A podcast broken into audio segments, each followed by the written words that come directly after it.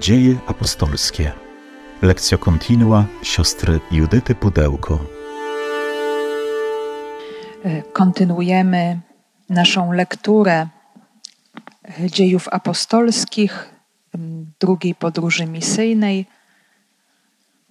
Też z tym pragnieniem, aby to słowo coraz bardziej dotykało naszych serc, żeby odkrywało przed nami tajemnice Kościoła, który przechodzi bardzo różne etapy, właśnie te momenty szczególnie e, chwalebne, objawiania się mocy ducha, e, zwycięstwa, nawet właśnie tych wielkich dzieł, które są ponad siły ludzkie, ale są też i momenty trudniejsze, są momenty pełne napięć, czy wskazujące na ogromny rozdźwięk, który pojawia się pomiędzy tajemnicą Ewangelii i tym światem.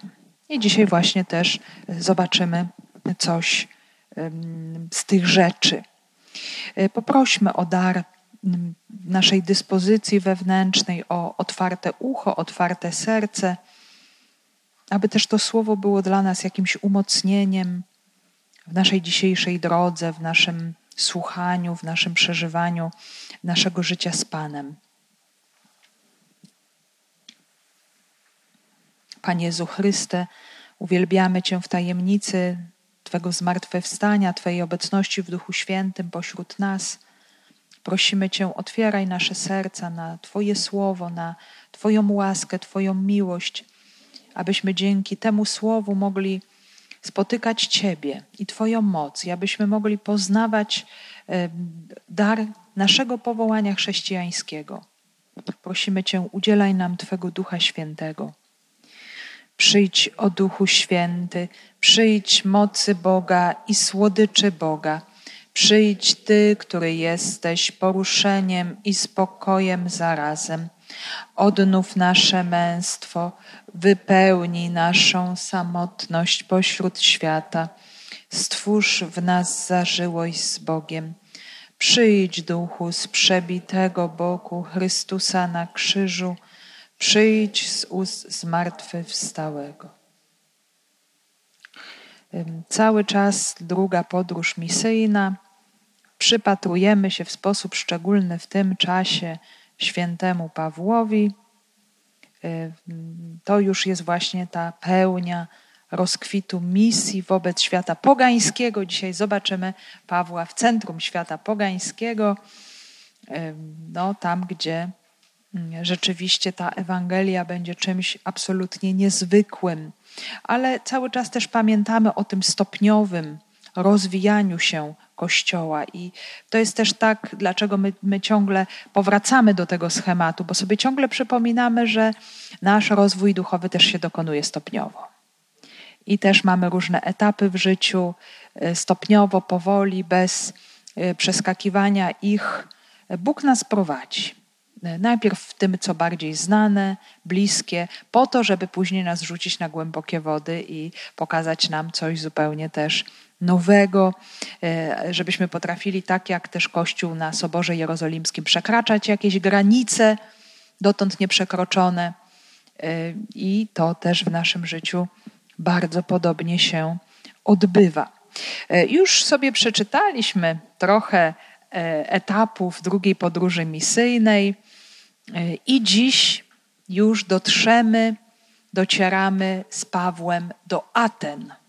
Więc będzie to taki moment szczególny. E, wiadomo, że tym punktem e, dotarcia ostatecznym w dziejach jest Rzym, troszeczkę dalej, ale Ateny, mm, jak sobie doskonale zdajemy sprawę, to jest właśnie ośrodek e, najbardziej, możemy powiedzieć, wymagający pod względem intelektualnym, pod względem rozwoju myśli. No, taki już świat y, oczywiście bardzo mocno pogański, ale jednocześnie y, na wysokim poziomie intelektualnym i będzie to, jak za chwilę zobaczymy, bardzo dużym wyzwaniem dla apostoła narodów. Więc dziś sobie przeczytamy nie cały ten długi tekst, nie całą mowę na Areopagu, a jedynie wprowadzenie, jakby, żeby też zrozumieć, jak tę rzeczywistość przeżywał Paweł, I jak, jaki był taki pierwszy oddźwięk e, jego słuchaczy, Ateńczyków, właśnie na to, co on swoją osobą wniósł e, też do tego e, miasta. Więc ta podróż, ona stopniowo nas prowadzi z Antiochii, gdzie uformowała się ta wspólnota misyjna Pawła, Sylasa, Tymoteusza, w pewnym momencie również Łukasz dołączył się do tej wspólnoty. Duch Święty prowadził przez Azję z takim mocnym impetem, jak pamiętamy, wskazując wyraźnie, dokąd tak, dokąd nie, gdzie pójść, skąd się usunąć, po to, aby doprowadzić apostołów do Europy. I teraz właśnie mamy konsekwencje e, tej wierności e, Duchowi Świętemu. Najpierw była ewangelizacja Filipi i Lidia, i kobiety nad rzeką, i uwięzienie z powodu egzorcyzmu, e, i ogromne świadectwo apostołów właśnie w tym e, mieście. Kolejny etap, o którym słyszeliśmy ostatnio, to dwa miasta Macedonii, bo e, Paweł z, z Sylasem musiał opuścić Filipi, no, właśnie z względu, ze względu na wcześniejsze uwięzienie, napięcia, niesnaski e, i udają się właśnie dalej e, do stolicy Macedonii, Tesaloniki. E, tam ewangelizacja Żydów i pobożnych pogan i wpływowych kobiet. Paweł osiąga pewien sukces, ale ten sukces jest zaraz zaburzony atakiem zazdrości tych, którzy Ewangelii przyjąć nie chcieli ze wspólnoty synagogalnej żydowskiej. E, no i oczywiście cały atak, rozruchy.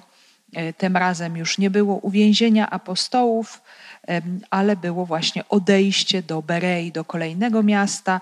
Znów Paweł głosi, naucza, przekonuje, otwiera słowo. Właśnie to jest też bardzo ważne, że wykazuje za pomocą konkretnych tekstów biblijnych, że Jezus jest wypełnieniem zapowiedzi mesjańskich. I tak jak pamiętamy, mieszkańcy Berei byli bardzo pilni, bardzo ochoczo słuchali słowa i sami studiowali i sprawdzali, czy to wszystko się zgadza. No i faktycznie się zgadzało.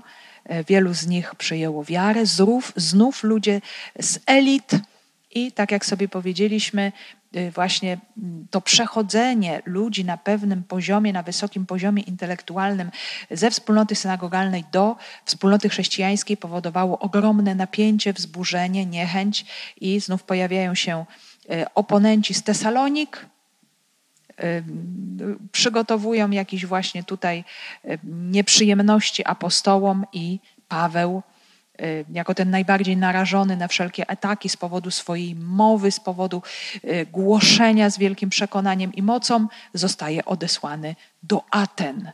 Jest odprowadzony do Aten y, przez ludzi z terenu Macedonii. Sylas i Tymoteusz pozostają jeszcze tam, aby umocnić świeżo wierzących braci i siostry z Macedonii, y, z Tesalonik i z Berei. Y, I Paweł dochodzi aż do morza, do Aten i czeka, aż jego towarzysze do niego przybędą, ale jak zaraz zobaczymy, nie będzie to oczekiwanie próżne, puste. Będzie to czas bardzo intensywny, ale również i bardzo trudny dla Pawła. Y, zobaczmy, co się w tym czasie wydarzyło z dziejów apostolskich. Gdy Paweł czekał na nich w Atenach, burzył się w nim jego duch, widząc bożki pogańskie będące w mieście. Rozprawiał też w synagodze z Żydami i z bojącymi się Boga i codziennie na agorze z tymi, których tam spotykał. Niektórzy z filozofów epikurejskich i stoickich dyskutowali z nim – a jedni mówili, cóż chce powiedzieć ten nowinkarz? A drudzy, zdaje się, że jest zwiastunem nowych bogów, bo głosił Jezusa i zmartwychwstanie. Zabrali go i zaprowadzili na Areopag i zapytali, czy moglibyśmy się dowiedzieć, jaką to nową naukę głosisz? Bo jakieś dziwne rzeczy dajesz nam słyszeć. Chcielibyśmy więc dowiedzieć się, o co właściwie chodzi. A wszyscy Ateńczycy i mieszkający tam przybysze poświęcają czas jedynie bądź na omawianie, bądź na wysłuchiwanie czegoś nowego. Gdy Paweł czekał na nich w Atenach, burzył się w nim jego duch, widząc bożki pogańskie będące w mieście. Więc Paweł przybywa do Aten, które jeszcze żyją sławą świetności, no, która już nieco przebrzmiała, bo musimy sobie wyobrazić, że w czasie świetności Aten y, mieszkało tam mniej więcej 170 tysięcy mieszkańców, a obecnie 10 tysięcy mieszkańców, więc no, jest to bardzo znaczna różnica. Teraz Ateny okupowane przez Rzymian, ale y, musimy pamiętać, że Ateńczycy y, żyli cały czas w aurze wszystkich dotychczasowych osiągnięć, mądrości, filozofii, myśli, literatury, sztuki, która się dokonała E, w Atenach, więc żyli właśnie w aurze takiej świadomości e, o swojej szczególnej, niebywałej, nieprawdopodobnie wyjątkowej inteligencji. My jesteśmy najbardziej inteligentnymi z inteligentnych ze wszystkich ludzi poszukujących mądrości, ze wszystkich mm, Greków. Także Ateny dalej stanowiły centrum świata grecko-rzymskiego, centrum intelektualne, religijne, bo Rzym tutaj bardzo mocno przejął całe podejście intelektualne od Grecji, cały sposób kształcenia, kultury. Nawet wiemy, że i mitologia była e, zaadoptowana Y, wszystkie te, możemy powiedzieć, też wierzenia rzymskie były swoistą kalką wierzeń greckich, więc, e, więc tutaj oczywiście o ile Rzymianie mieli swoje, swój rozwój i postęp w innych dziedzinach, e, dziedzinie militarnej, e, prawniczej, sądowniczej, czy chociażby takiej administracyjnej, czy pewnej infrastruktury imperium, to cała, możemy powiedzieć tutaj zaplecze kultury, sztuki, myśli, no, musieli tutaj oddać chwałę i cześć jednak Grekom. Więc, więc Paweł się temu wszystkiemu przygląda. Y, I dla niego oczywiście ten świat nie był obcy. Nie wiemy, czy wcześniej w Atenach był, czy nie był, ale y, jako wychowanek szkół greckich w Tarsie, też mieście, gdzie, gdzie żyli Grecy, on oczywiście był Żydem e, z diaspory, ale miał no, nieustanny kontakt ze światem greckim, więc no, te wszystkie rzeczy no, były mu w jakimś stopniu znane. I tutaj Łukasz wspomina, że Paweł właśnie oglądał, widział, czyli zwiedzał, czyli przechodził możemy powiedzieć tak trochę filozoficznie podchodził do sprawy, bo oglądał wszystko, właśnie chciał swoim własnym oglądem, czyli przez autopsję y, wniknąć w rzeczywistość tego, tego miasta. Czekając na swoich towarzyszy, oglądał pomniki, świątynie, ołtarze. No i jeszcze wtedy oczywiście ten Akropol był jak najbardziej wspaniały, kwitnący był i Metroon, świątynia Matki Bogów z Cibele, i świątynia Apollosa i Heliaja, miejsce, gdzie stacjonował Trybunał Ateński.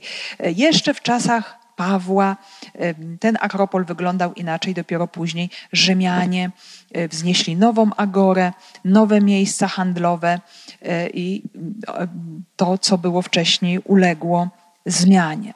Ale Paweł się może nad tymi budowlami nie zatrzymuje, nie, nie, nie intrygują go one tak bardzo, e, a raczej bardzo mocno porusza go widok licznych pogańskich bożków, po prostu figur bóstw, e, którym mniej lub bardziej Ateńczycy oddawali cześć, czy przynajmniej no, uważali Y, te bóstwa za jakoś dla nich ważne bądź mniej ważne. Zaraz zresztą zobaczymy.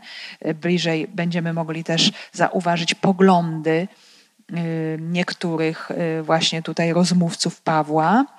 I to rodzi w nim bardzo silne emocje. Tutaj y, ten termin, który jest użyty, oznacza takie wzburzenie, poruszenie, irytację, nawet gniew, czyli y, jego duch właśnie jest tutaj bardzo mocno wzburzony i poruszony, bo to mu właśnie pokazuje stan ludzkości, która nie zna Boga jedynego.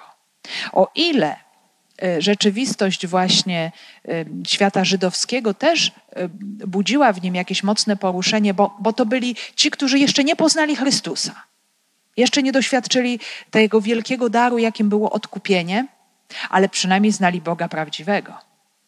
Tutaj natomiast są ludzie w sytuacji ogromnego zagubienia, bo to są ludzie, którzy zupełnie są poza rzeczywistością prawdy. I zaraz zobaczymy, że problem jest o wiele głębszy niż nam się wydaje, bo są to ludzie, którzy uważają siebie za cud natury i mądrości tego świata.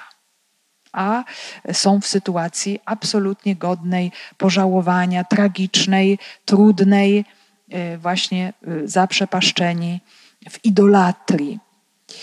Y, I no właśnie, mm, Człowiek, który nie zna Boga prawdziwego, zaczyna tworzyć sobie bożki, takie czy nie inne. E, I tutaj, kto wie, być może właśnie ta sytuacja, e, która tak bardzo mocno jest zauważalna właśnie w Atenach, bo to jest metropolia.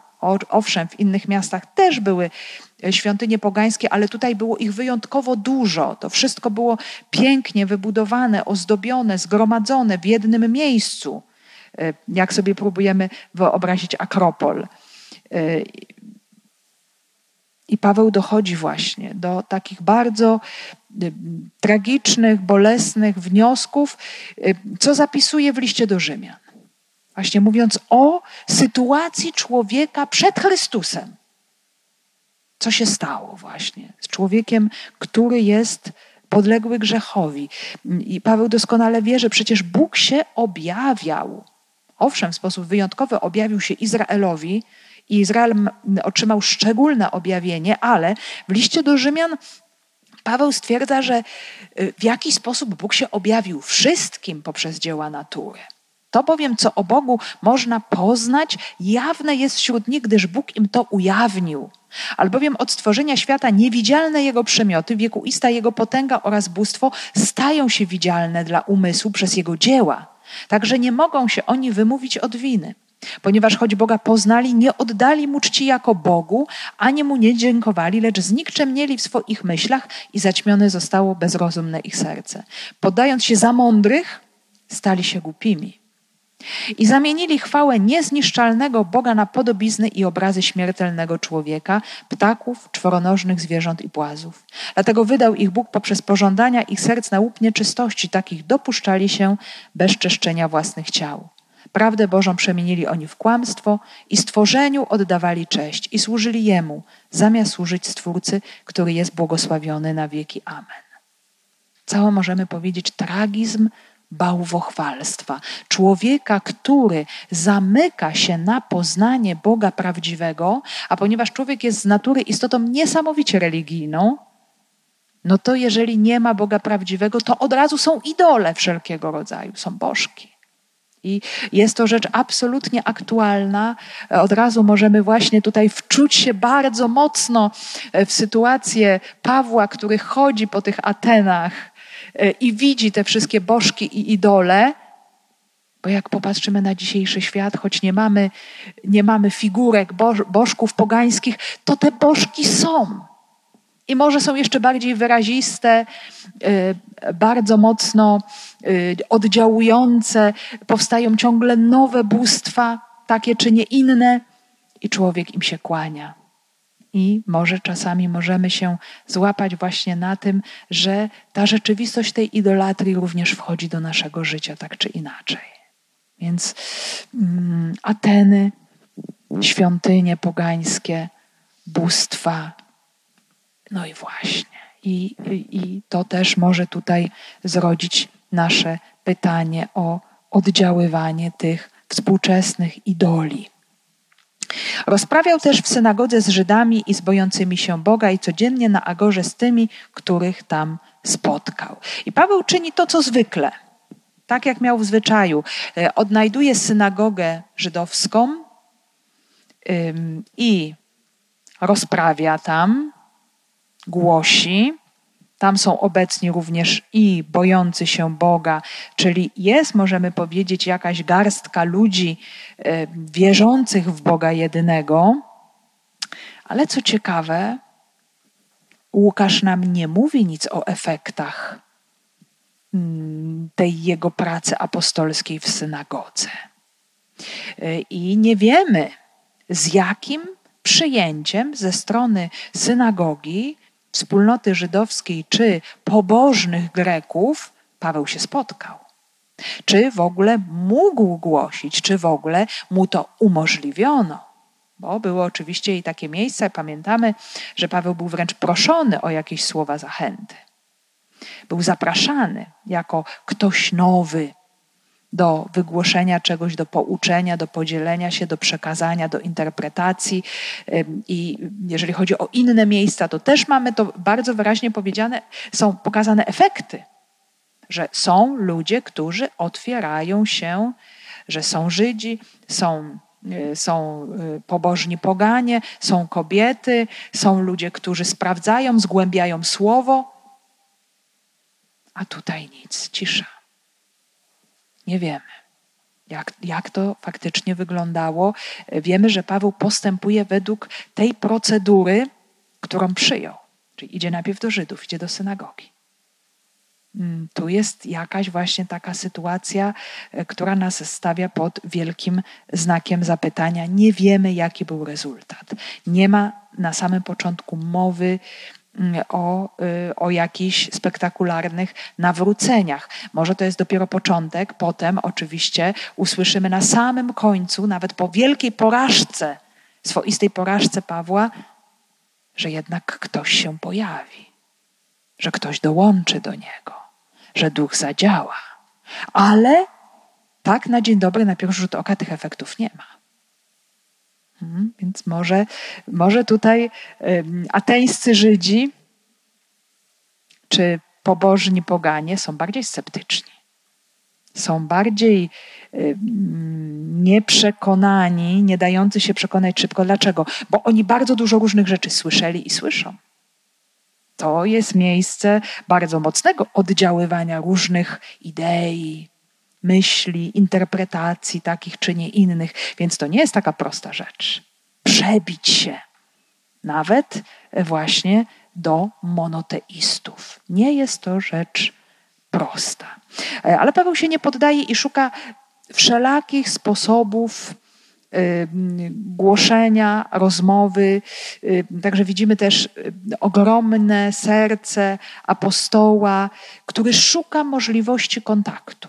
Nawet właśnie w tak publicznym miejscu jak Agora, jak rynek, gdzie ludzie e, kupują, sprzedają, handlują, załatwiają sprawy, gdzie może kompletnie ich nie interesują jakieś tam głębsze dywagacje duchowe, on próbuje mm, dyskutować, rozmawiać i w taki sposób zaczyna też powoli zwracać na siebie uwagę, że jest tutaj jakiś człowiek, który właśnie prowadzi jakieś dysputy. I okazuje się, że wśród rozmówców Pawła są ludzie powiązani ze szkołami filozoficznymi, co w przypadku Aten nie jest absolutnie dziwne. Niektórzy z filozofów epikurejskich i stoickich dyskutowali z nim, a jedni mówili: Cóż chce powiedzieć ten nowinkarz? A drudzy: Zdaje się, że jest zwiastunem nowych bogów, bo głosił Jezusa i zmartwychwstanie. I w Atenach istniały wówczas cztery takie główne szkoły filozoficzne, akademia, czyli platonicy, liceum, czyli arystotelicy, albo no, uczniowie Arystotelesa, portyk, stoa, czyli stoicy i ogród, epikurejczycy. I Paweł wchodzi tutaj w dyskusję z przedstawicielami dwóch szkół najbardziej obecnie w jego czasach popularnych. Szkół tak zwanych helenistycznych, to już są późniejsze filozofie, e, no bo wiadomo, e, akademia i liceum Platon, Arystoteles to jest ta klasyka grecka, greckiej filozofii, natomiast e, stoicy, epikurejczycy to już jest wytwór czasu okresu helenistycznego. I oni właśnie najbardziej są prężni i wchodzą w dyskusję z Pawłem, zadając sobie pytanie, no, no właśnie, o co, o co tutaj chodzi. No i kim byli epikurejczycy? No epikur, samos, być może nam się tak od razu kojarzą epikurejczycy właśnie z hedonizmem, z przyjemnościami życia, wszystko zredukowane do doczesnej przyjemności, ale w tym czasie ta filozofia, ona jeszcze nie doszła do e, no, takiego akurat rozwoju. E, nie chodziło tutaj o, tej przy, o przyjemność zmysłową, ale raczej o udoskonalenie ducha i praktykowanie cnót. Czyli możemy powiedzieć też taką przyjemność intelektualną bo y, no, kwestie intelektualne czy pewne wewnętrzne uporządkowanie, harmonia też dają człowiekowi przyjemność. Więc kto jest szczęśliwy? Kto może się wznieść ponad swoje namiętności? Kto zdobędzie pokój duchowy? Jest wolny od spraw polityki, konfliktów społecznych, trosk rodzinnych. I uwaga, chociaż epikurejczycy no, przypuszczali, że mogą bogowie istnieć, ale oni się nie interesują ludźmi, nie trzeba ich za bardzo brać poważnie. Nie, nie, traktowano ich poważnie, nie lękano się bogów, nie lękano się śmierci. Uważano, że jest ona czymś pożytecznym, bo dla człowieka na Ziemi przyszłości nie ma. Duch złożony z cielesnych atomów, on się rozdziela, gdy ustaje życie i ginie w przestrzeni. Więc od razu widzimy, że epikurejczycy kończą życie wraz z doczesnością i nie spodziewają się niczego i ich to w ogóle kompletnie nie interesuje. A więc chodzi o to, przeżyj w sposób piękny i harmonijny, szczęśliwy i radosny to życie doczesne. A stoicy, no tutaj też oczywiście, być posłusznym znowuż rozumowi, stać się obojętnym na wszystkie sprawy zewnętrzne, właśnie się wyzwolić z wszystkich trosk i zmartwień związanych z majątkiem, zdrowiem, cierpieniem i cnota czyni człowieka szczęśliwym. Czyli ta, te, te umiejętności spokojnego, swobodnego czynienia dobra człowiekowi daje poczucie właśnie szczęścia, spełnienia, pokoju. Trzeba być zupełnie obojętnym wobec tych wszystkich trudnych rzeczy, które się dzieją na zewnątrz, bo nie mamy przecież na nie wpływu za bardzo, więc tutaj ideałem stoików była taka apateja, czyli dosłownie właśnie taka beznamiętność całkowita, swoista obojętność. I stoicy mieli jeszcze bardziej, e, możemy powiedzieć, bezosobowe rozumienie bóstwa niż epikurejczycy, e, ponieważ byli panteistami, uważali, że właśnie mamy tutaj jakąś duszę świata. E, bóstwo to jest pewna taka bardzo ogólna dusza świata, które nie kocha tego świata, nie wymaga żadnej miłości ani relacji, i również człowiek w momencie śmierci, możemy powiedzieć, jego elementy się rozpadają, niszczą i następuje koniec życia człowieka. I co to nam pokazuje? Pokazuje nam bardzo ważną rzecz, że e, to, co Paweł głosi, ma się nijak, kompletnie nijak do ideałów życia epikurejczyków i stoików. Zupełnie.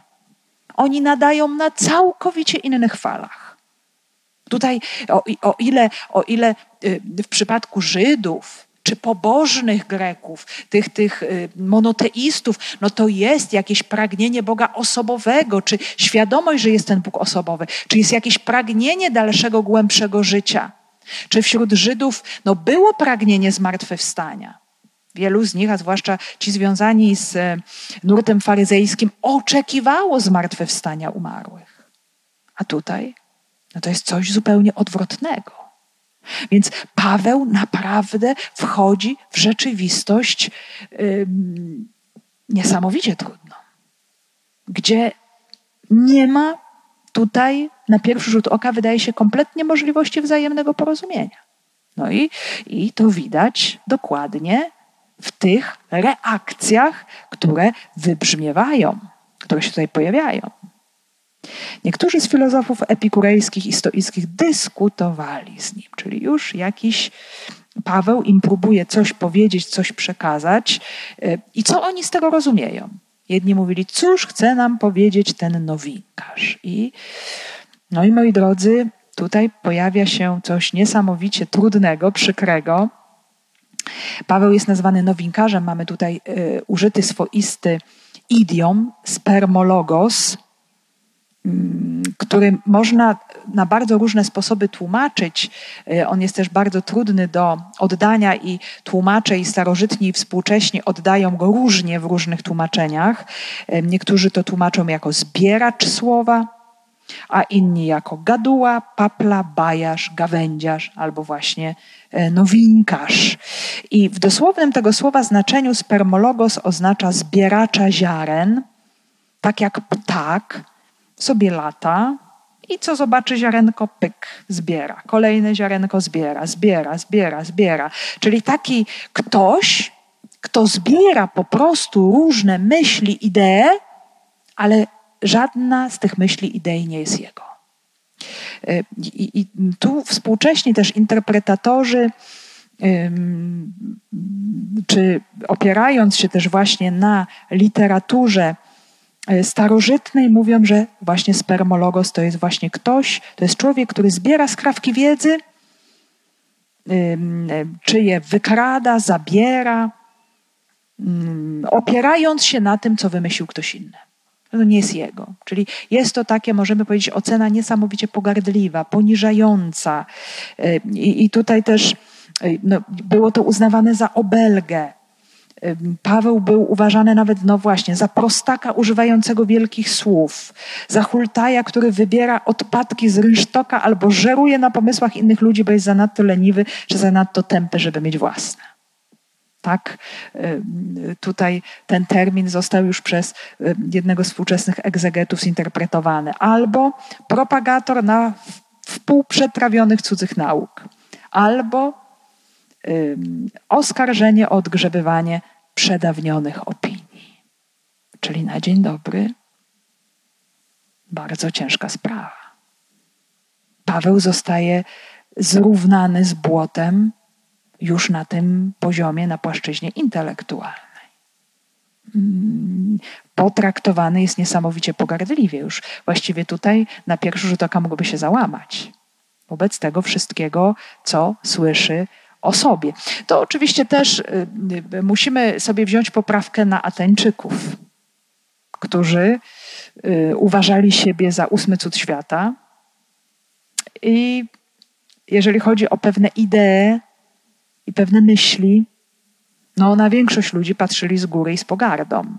Więc był to również no, jakiś ich duży problem. Więc dla jednych jest on właśnie takim nowinkarzem, y, takim w ogóle zbieraczem cudzych pomysłów, próbującym zabłysnąć bezskutecznie, a dla innych jest propagatorem nowych bóstw.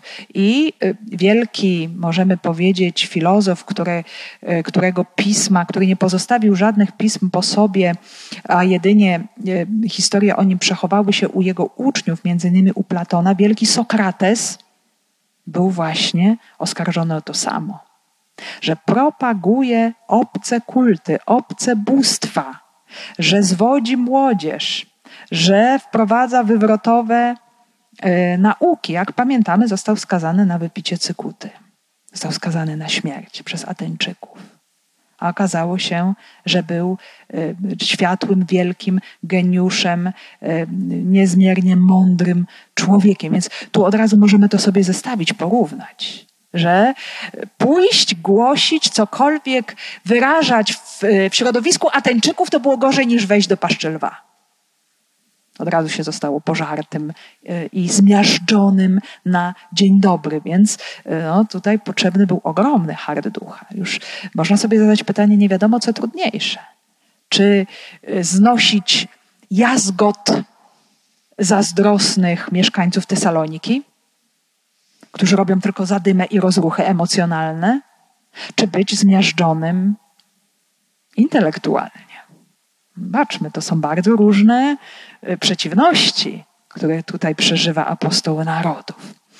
Y, I bardzo ciekawa rzecz, bo właśnie zwiastun nowych bogów, y, tutaj jest użyte słowo daimonion, słowo zresztą znane w innych miejscach Nowego Testamentu, w Ewangeliach i ono oznacza demony, te, które Jezus wyrzucał podczas egzorcyzmów, e, złe duchy.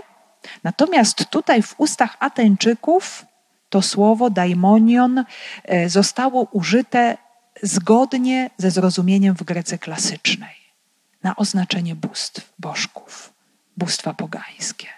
Zobaczcie, jak bardzo e, tutaj te poziomy, nawet znaczeniowe, się różnią. To, co greka prosta, popularna koine tłumaczyła, e, zwłaszcza w kontekście świata żydowskiego, demon, zły duch, to Grecy klasyczni, języka klasycznego, greki klasycznej widzieli tutaj odniesienie do bóstw. Ale zobaczmy, jakie jest rozumienie tych bóstw. Chodzi o jakieś dwa nowe bóstwa. Bóstwo męskie, Jezusa i uwaga, i bóstwo żeńskie, anastazis, czyli zmartwychwstanie. Paweł mówił o Jezusie i o zmartwychwstaniu. To pojęcie dla Greków, no, już powiemy dla Żydów, no może tak, ale dla Greków anastazis, powstanie, powstanie z martwych, Cóż to w ogóle jest? Może to jest jakaś nowa bogini rodzaju żeńskiego słowo. Więc, więc zobaczmy, jak bardzo błędne rozumienie. Nowinkarz nam tutaj wprowadza postaci dwóch nowych bóstw. Skąd to wymyślił? Co to w ogóle ma być? Zawsze w tych panteonach pogańskich bóstwa męskie, bóstwa żeńskie, y, to były pary, kobieta i mężczyzna, bardzo często małżeństwa pomiędzy bogami, bo wiemy, że te bóstwa były y, na wyobrażenie człowieka. Więc mamy Jezus, no i przy nim zmartwychwstanie, kobieta. Więc, więc widzimy, że y, problem też polega na tym, że dla słuchaczy Pawła, którzy ani nie wierzyli, ich nie obchodziła rzeczywistość zmartwychwstania, nie było dla nich nic istotnego, ani nie obchodziły ich bóstwa osobowe, praktycznie nie ma żadnej siły przebicia w żadną stronę. Nie? Spróbujmy wyczuć ten impas, ten trud, gdzie y, to jest taka struktura intelektualna człowieka, że nie można się przez tę strukturę w ogóle przebić. I słowo nam pokazuje, że tak może być. I tak jest. I tak jest.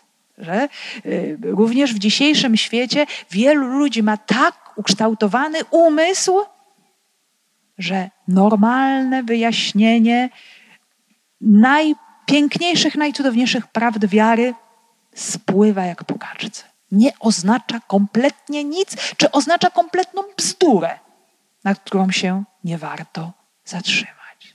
Myślę, że y, y, warto jest przemedytować tę rzeczywistość, zobaczyć, że y, o ile dzieje nam pokazują te poszczególne etapy Kościoła, w różnych sytuacjach i wymiarach, pod każdym względem, pokazując nam tożsamość DNA, taką właśnie matrycę Bożego prowadzenia i rozwoju Ewangelii w świecie, tak tutaj mamy ten szczególny punkt tej konfrontacji, no, która wydaje się, że jest zupełnie niemożliwa.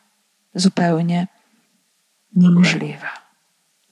Zabrali go i zaprowadzili na Areopag i zapytali, czy moglibyśmy się dowiedzieć, jaką nową naukę głosisz? I nie rozumiejąc tego, co Paweł mówi, przyznają się, że tego nie rozumieją, chcą się dowiedzieć, oczywiście z tego względu, że są po prostu bardzo dociekliwi i ciekawi, są intelektualistami i y, słysząc coś, chcą wiedzieć, w czym rzecz. Ale tutaj już rzecz się robi coraz bardziej oficjalna, bo Paweł jest wręcz zaprowadzony, czyli on nie idzie tam sam. On sobie chodzi po agorze, czyli po rynku, miejscu publicznym, owszem, ale takim możemy powiedzieć y, no, dostępnym dla wszystkich. Natomiast Paweł jest zaprowadzony na pobliskie wzgórze Aresa, no to jest po drugiej stronie, kawałeczek dalej, jak ktoś był. Y, Areopagos, wzgórze Aresa y, i tak samo, tą samą nazwą była określana rada rządząca starożytnymi Atenami, która się tam gromadziła. Więc Paweł ma stanąć w takim, przed, możemy powiedzieć, y, wobec elit politycznych, intelektualnych, y, wobec tej rady i się wypowiedzieć. I, no właśnie, i ogłosić im karygmat. No, wyzwanie, które jest niesamowicie duże.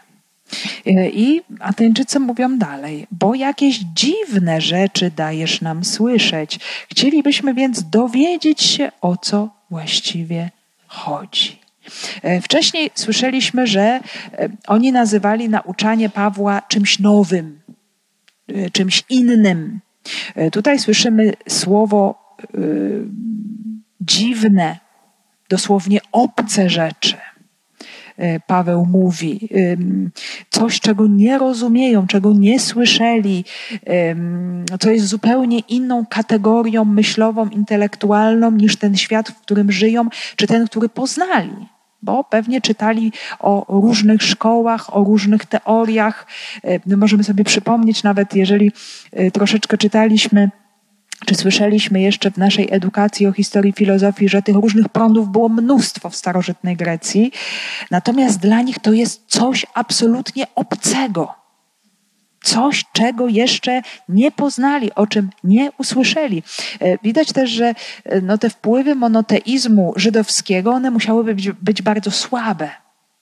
Że no, Żydzi nie ośmielali się zbytnio e, misjonować pośród filozofów, no bo byłoby to zapewne też e, w jakiś sposób skazane na e, porażkę. To może tak jedynym e, człowiekiem, który miał odwagę robić takie rzeczy, to był Filon Aleksandryjski, który używał języka filozoficznego w objaśnianiu Tory, próbował łączyć te dwa światy, ale on żył w nieco innym miejscu, bo żył w Aleksandrii. Tam była ogromna ilość Żydów e, i świat aleksandryjski był takim miksem kulturowym. E, tam ten, ta kultura grecka, ona była, możemy powiedzieć, wtórna. Nie była pierwotną ideą, tak jak tu w Atenach, e, w tej macierzy kultury greckiej. Więc tam można było sobie pozwolić na. Y, y, I, i, i to działanie Filona było dość owocne, i on pociągał do monoteizmu bardzo wielu Greków mm, tymi sposobami. Natomiast tutaj jest środowisko, możemy powiedzieć, najtrudniejsze ze wszystkich. Tak, troszeczkę wcześniej to są czasy tuż przed Jezusem czy Jezusa. E, to są, możemy powiedzieć, styk R czy troszeczkę wcześniej właśnie Filon działa. Więc y, czas całkowicie podobny. Tutaj właśnie my mamy bóstwa, mm, ale y, filozofowie, czy przynajmniej ci epikurejczycy i stoicy, widzimy, że oni te bóstwa też nie traktują poważnie. Są intelektualiści, ich po prostu takie bajki nie obchodzą. Ich obchodzi, żeby powiedzieć, taki humanistyczny wymiar życia. Tacy są, no właśnie, może e, moglibyśmy ich zestawić i porównać właśnie z współczesnym człowiekiem, który, e, którego nie obchodzi wiara tak za bardzo. Ale obchodzi go y, jego status, poziom człowieka, y, jakiegoś, możemy powiedzieć tu, wykształcenia, y, ogłady, rozumu, mądrości. No właśnie, takie idee, które sprawiają, że człowiek czuje się dobrze że człowiek sobie potrafi pewne rzeczy wytłumaczyć, wyjaśnić. Nawet jeżeli no, wobec niektórych rzeczy pozostaje bezradny, chociażby wobec śmierci pozostaje bezradny, się tym tak za bardzo nie przejmuje. No, jest śmierć i koniec i trudno. I się rozpadamy, stajemy się niebytem i koniec, kropka. Ważne jest, żeby w sposób y, na pewnym poziomie kulturalny, mądry, cnotliwy, więc uporządkowany, harmonijny przeżyć życie doczesne. Zobaczmy, to jest, to jest bardzo bliskie tym wszystkim ideom, y, tego możemy powiedzieć, tej postnowoczesności, która nas otacza dzisiaj. Nowoczesny człowiek, zwłaszcza Europejczyk, tak chce żyć, tak mądrze, tak inteligentnie, tak po swojemu, tak po ludzku. I Ewangelia jest czymś, co absolutnie nie przystaje, co razi, co śmieszy, co oburza co po prostu no, to nie jest coś dla, dla poważnego człowieka. Więc są idee, są światopoglądy, są doktryny, są filozofie, dywagacje takie czy nie inne. Ale wiara to jest chyba nie to, o co chodzi intelektualistom Grekom. A zatem właśnie, moi drodzy, tu się zatrzymamy za chwileczkę.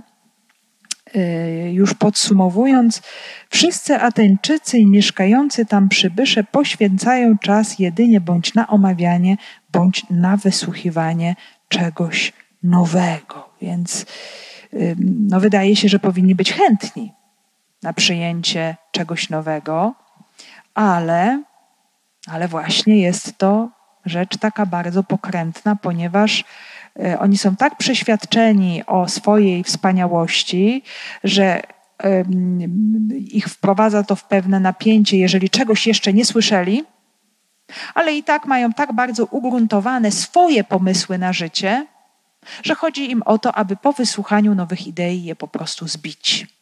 E, wykazać, że są całkowicie bezpodstawne, absurdalne, aby je wyśmiać. I e, ta chęć poznania czy usłyszenia czegoś nowego wiąże się, wiąże się po prostu z ich ciekawością. To ciekawość.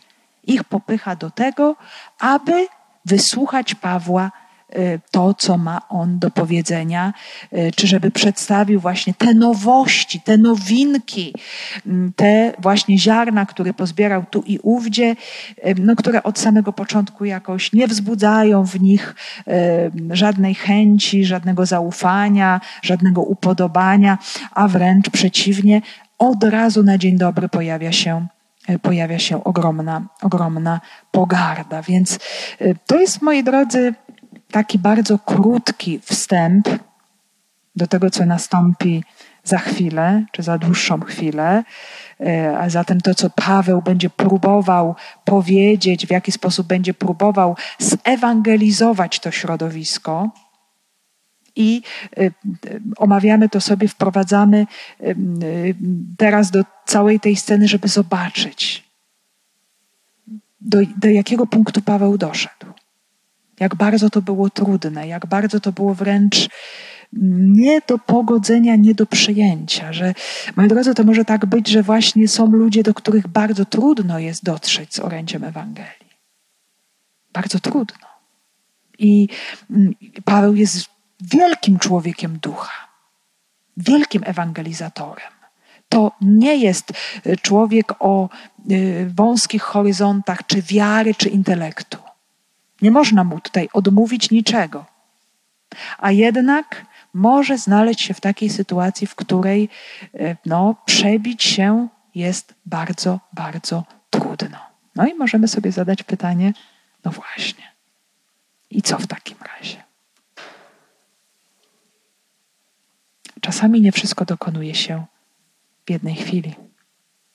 E, ostatecznie Jak popatrzymy sobie, moi drodzy, na Grecję, Grecja jest chrześcijańska. A inne tereny, na które możemy spojrzeć, na których Paweł ewangelizował z o wiele większym impetem i powodzeniem, nie są chrześcijańskie. Więc zobaczmy, jest to swoista tajemnica. Wiara została przyjęta z czasem, również w Atenach, która jest,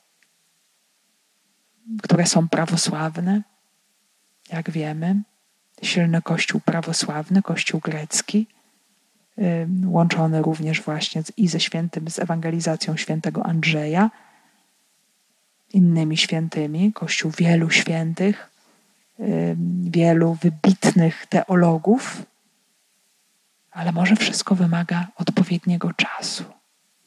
Nie wszystko w niektórych miejscach może dokonać się natychmiast. Czasami może być tak, że orędzie Ewangelii może napotykać na ogromne y, odrzucenie, niechęć.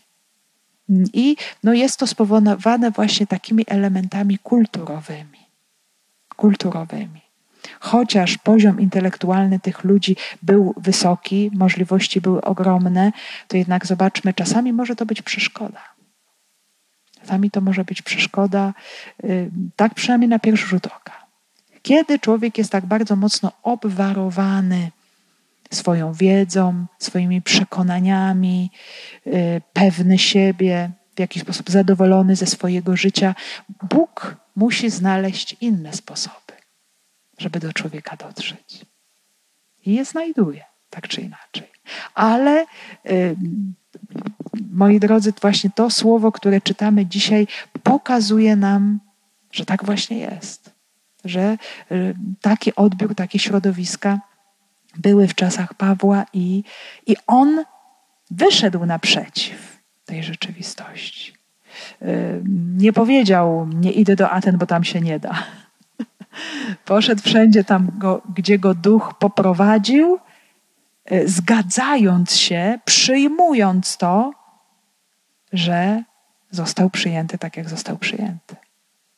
Czasami po prostu y, pewne miejsca czy pewne doświadczenia są po to, żeby pogłębić pokorę apostoła i bardziej zdać się na Pana Boga w tym, y, co czynimy, kim jesteśmy, co chcemy zrobić dla innych. Y, I myślę, że to jest bardzo dobra lekcja również dla nas, którzy żyjemy właśnie w takim świecie, w jakim żyjemy dziś, gdzie mm, w wielu miejscach, w wielu środowiskach Ewangelia jest po prostu obciachem. I nawet wstyd o niej mówić, bo wywołuje śmiech i pogardę. I to przeżył Paweł. Więc niech, niech to słowo również będzie dzisiaj dla nas takim umocnieniem że po prostu to jest kolejny element pokazujący nam, pokazujący nam prawdę o Kościele i o świecie, prawdę o głoszeniu Ewangelii.